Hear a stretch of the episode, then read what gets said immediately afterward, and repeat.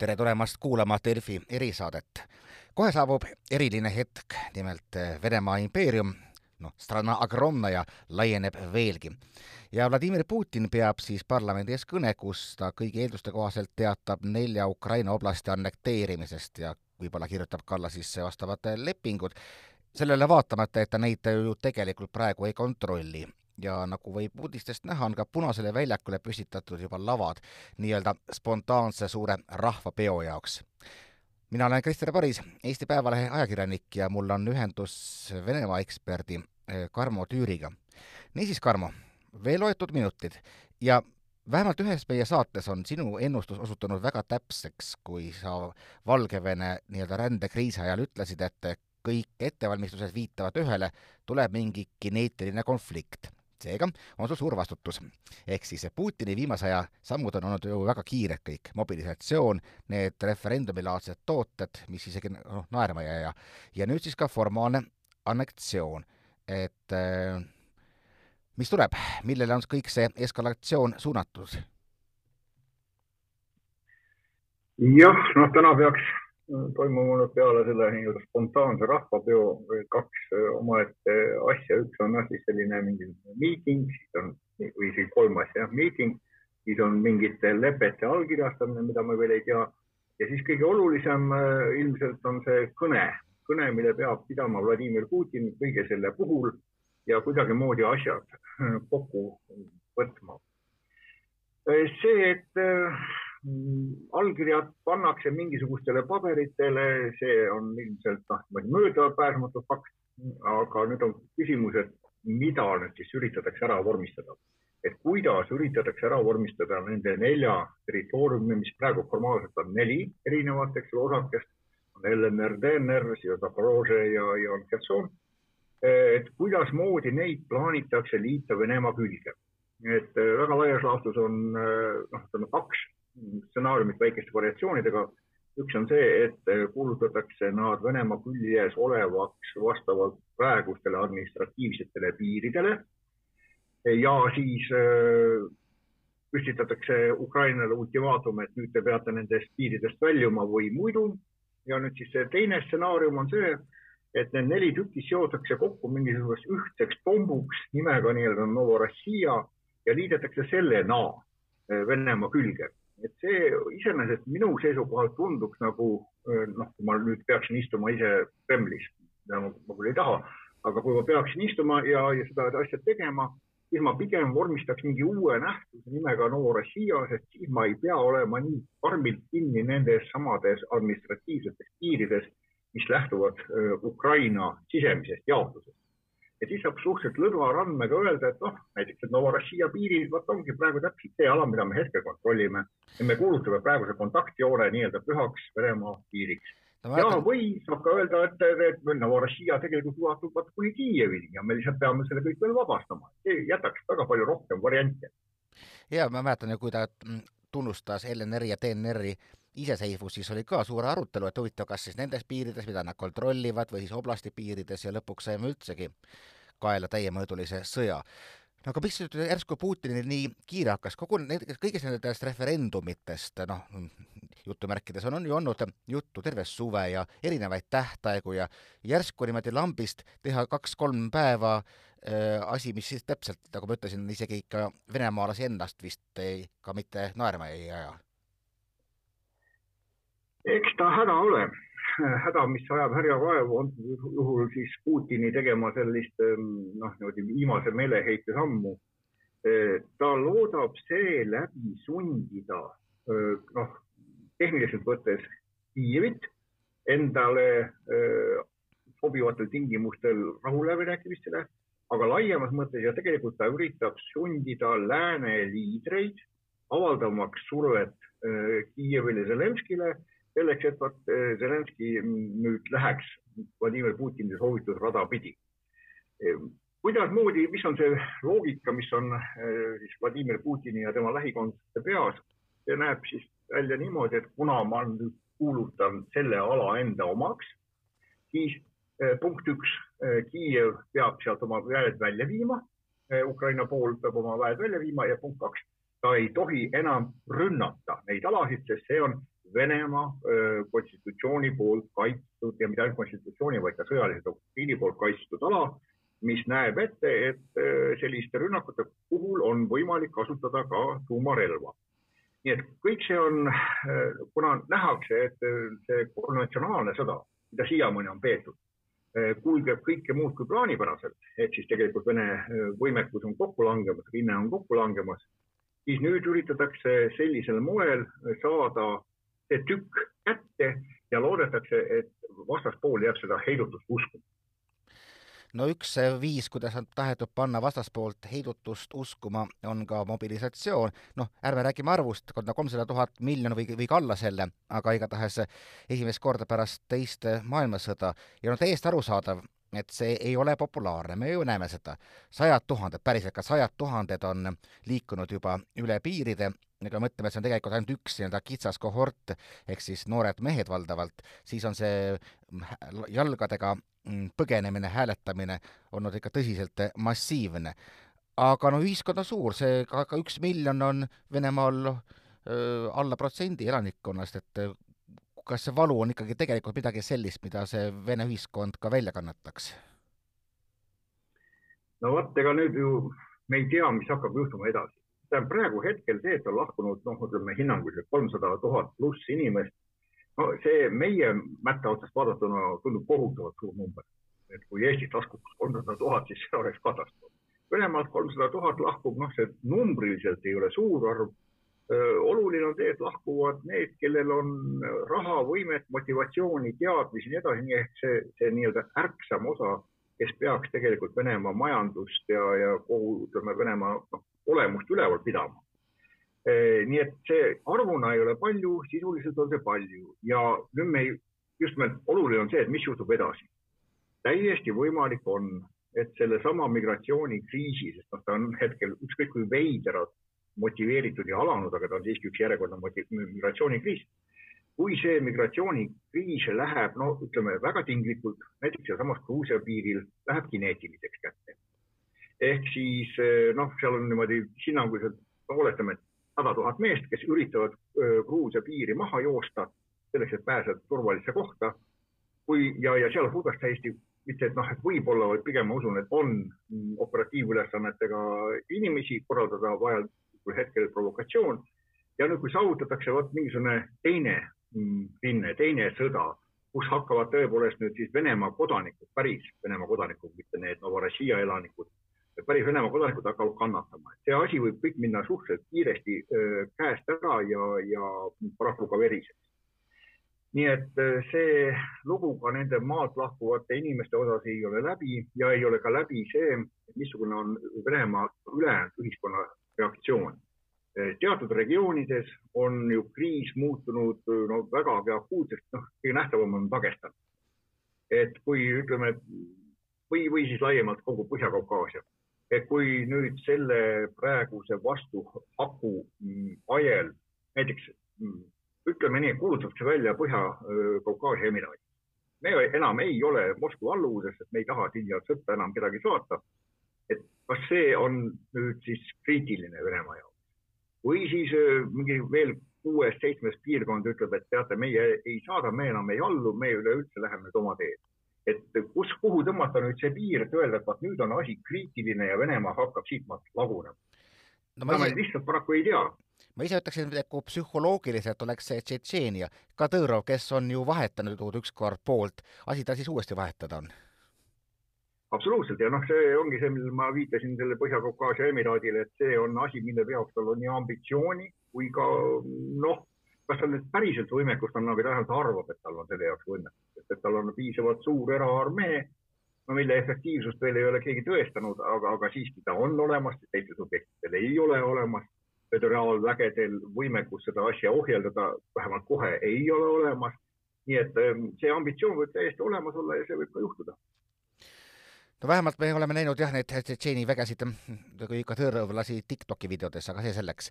vaatame nüüd otsa kõigega, mis, kõigele, mis sellega veel kaasneb äh, praeguste oodatavate siis sündmuste ehk Vene piiride laienemisega. no võib üsnagi eeldada, et on kuidagi seotud kõigi nende arengutega ka siis mõlema Nord Streami juhtme peal toimunud plahvatused ja võtame ikkagi vast praegu aluseks hüpoteesi, et seda tegi Venemaa, ehkki noh, ma ei tea, kas või Poola endine kaitseminister Sikorski on viidanud ka USA rollile, aga oletame, et siiski nagu pigem Venemaa. Ja see tekitab minu jaoks väga huvitava küsimuse, et Venemaa nagu täiesti lõikab ennast praegu äh, ära igasugusest nagu läänepoolsest isegi võimalusest talle vastu tulla, ehk siis mäletame, kui pandi Nord Stream üks kinni, siis öeldi, et otse välja, et see on nüüd seotud sanktsioonidega, et kas me ava, avame selle või mitte.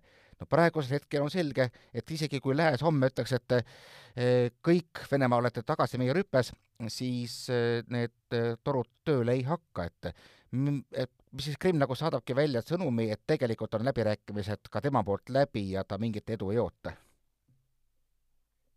see on jah, pisut segane lugu, aga noh, ma alustan sellest, et mina, minu jaoks kõige loogilisem seletus siiski on see, et Venemaa korraldas need eh, diversiooniaktid seal selleks, et eh, päästa ennast täiendavatest sanktsioonidest, nii paradoksaalselt kui see ka ei kõla. asi selles, et eh, kui Venemaa teatas, et ta enam ei tarni Mm, Euroopasse lepinguid, siis oh üllatust, kõik need tarned olid kaetud ju lepingutega ja, ja ka trahvimeetmetega.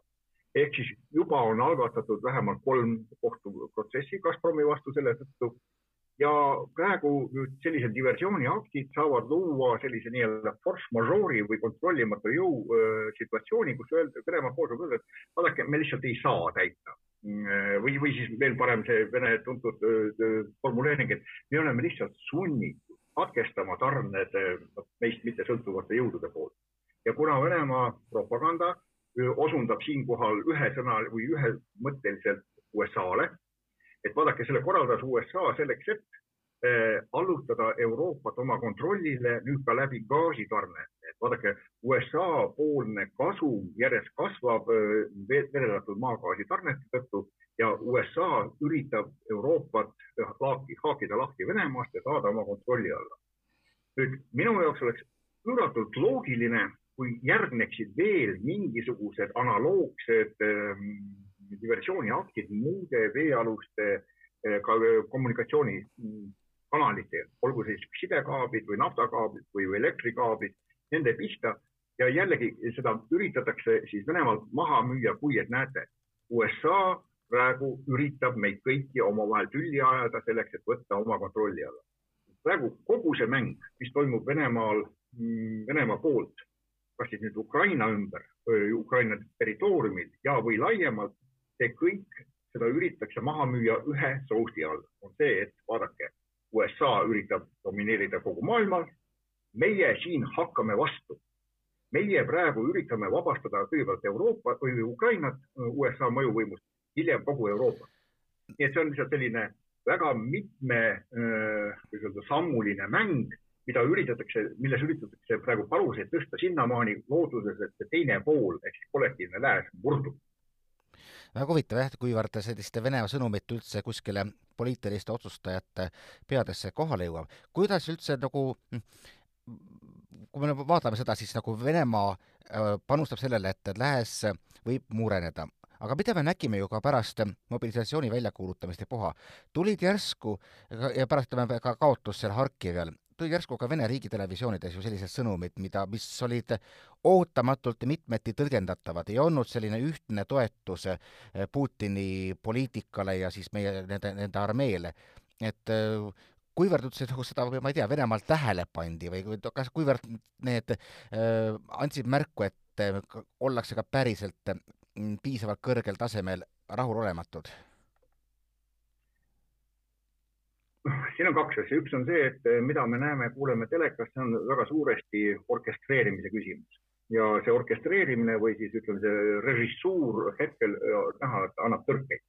Eh, käsuliinid ei ole enam üheselt kohale jõudvad ja, või üheselt arusaadavad, nii et mõned inimesed hakkavad juba lubama ka enda teleekraanidel selliseid kõhklevaid noote noh, kasvõi ainuüksi, mida, mida maksavad ainuüksi Skabjeva tunnustused sellele, et vaadake, jaa, tõepoolest tuleb öelda, et Ukraina käes olevad relvad töötavad normaalselt. ta ei ole veel jõudnud sinnamaani, et öelda, et töötavad hästi, aga ütlevad, et töötavad normaalselt, selle tõttu vaat meil on siin ajutisi tagasilööke.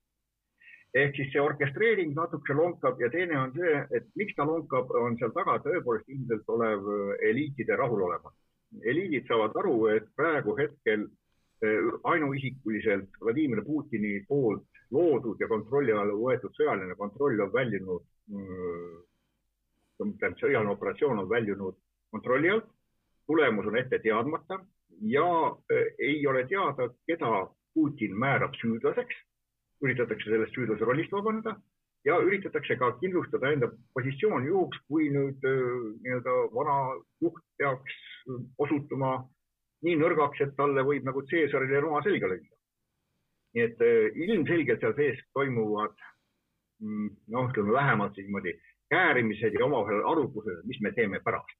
ma ei usu, et Venemaa eliit oleks niivõrd nõrgamõistuslik, et nad ei arutaks, mida me teeme pärast, kui. Nad kindlasti teevad seda ja see annab juba näha selles samas ebakindlates sõnumites. just ja vaatame siis lõpuks otsa, et noh, eks me nüüd umbes lähema tunni jooksul kuuleme, mis sõnumiga tuleb Putin välja, sa tõid välja kaks, kaks erinevat varianti, aga igal juhul on ta jällegi nagu ahendanud sellist eh, võimalikku taganemisteed, võimalikku teed läbirääkimisteks, et no ikkagi, kui see nagu Venemaa territoorium, Venemaa territooriumi üle minu meelest eh, harilikult ajaloos jätame nüüd kunagise Vene-Jaapani sõja ei ole läbi räägitud, see on Venemaa püha osa.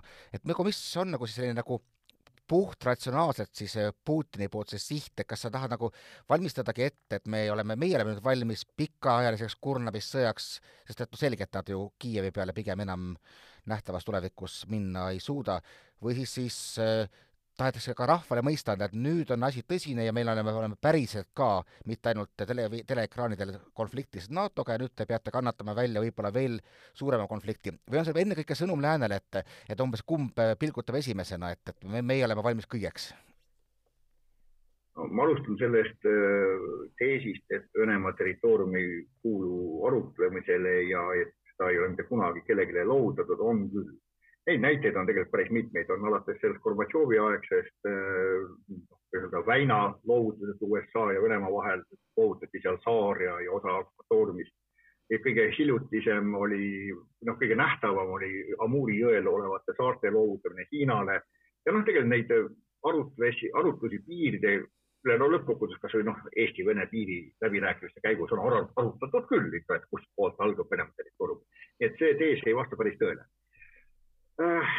kuidas on nüüd sellega, et äh, keda Venemaa oma praeguste sõnumitega nüüd rohkem takka piitsutab, kas oma äh, sisepublikut või läänt? noh, mulle tundub, et põhipanus on siiski läänele, sest et see on Venemaa jaoks või ütleme eelkõige Vladimir Putini jaoks on see oluline teine, kelle, mm, kellega kommunikeerudes ta üritab asju lahendada. ehk siis Venemaa versus Lääs, Venemaa versus eelkõige USA, aga laiemalt sama Lääs, et see peaks omavahel saavutama kokkuleppe ja selles mängus on tema enda rahvastikul kanda ainult noh, niimoodi juurvilja roll. et need peavad mul ka keldris olemas olema, noh, et ma talve üle elaks, et oleks inimesed, kes mulle makse maksavad. aga need, nendele suunatud kommunikatsioon ei ole primaarne jah, seal on üks selline väikene aga, et diktaatorid alati kõige rohkem kardavad oma rahvast. välisvaenlane on olemas niikuinii, see on niimoodi vaikimisi hoon ja see on isegi hea, sest no välisvaenlase baasil saab mida iganes siseressursse endale noh, paremini kontrolli alla võtta. aga vot oma rahvast kardetakse ja vot siin on nüüd tuleb see jah, see teine kiht, et oma rahvast mobiliseeritakse lõpmatult uuesti ja uuesti nüüd ju öeldi välja seda, et see peab olema ümber defineeritud kui suur Isamaa-sõda number neli. Karavralovi poolt öö, defineeriti see suhteliselt noh, niimoodi reljeefselt ja, ja mingis mõttes Vene prisma otsast vaadates isegi arusaadavalt. see on meie püha sõda, me vabastame oma kodumaad lääne ikkest ja nii edasi. nii et see on küll sekundaarne, aga äärmiselt oluline. Vladimir Putin kui iga teine diktaator mängib välisturule, aga kardab oma rahvast. no igal juhul on panused oluliselt tõusnud. aitäh, Karmo Tüür, mina olen Krister Paris Eesti Päevalehest ja jälle kuulmiseni siis järgmistes saadetes, kus vaatame, kuhu Putini avantüür edasi viib. aitäh!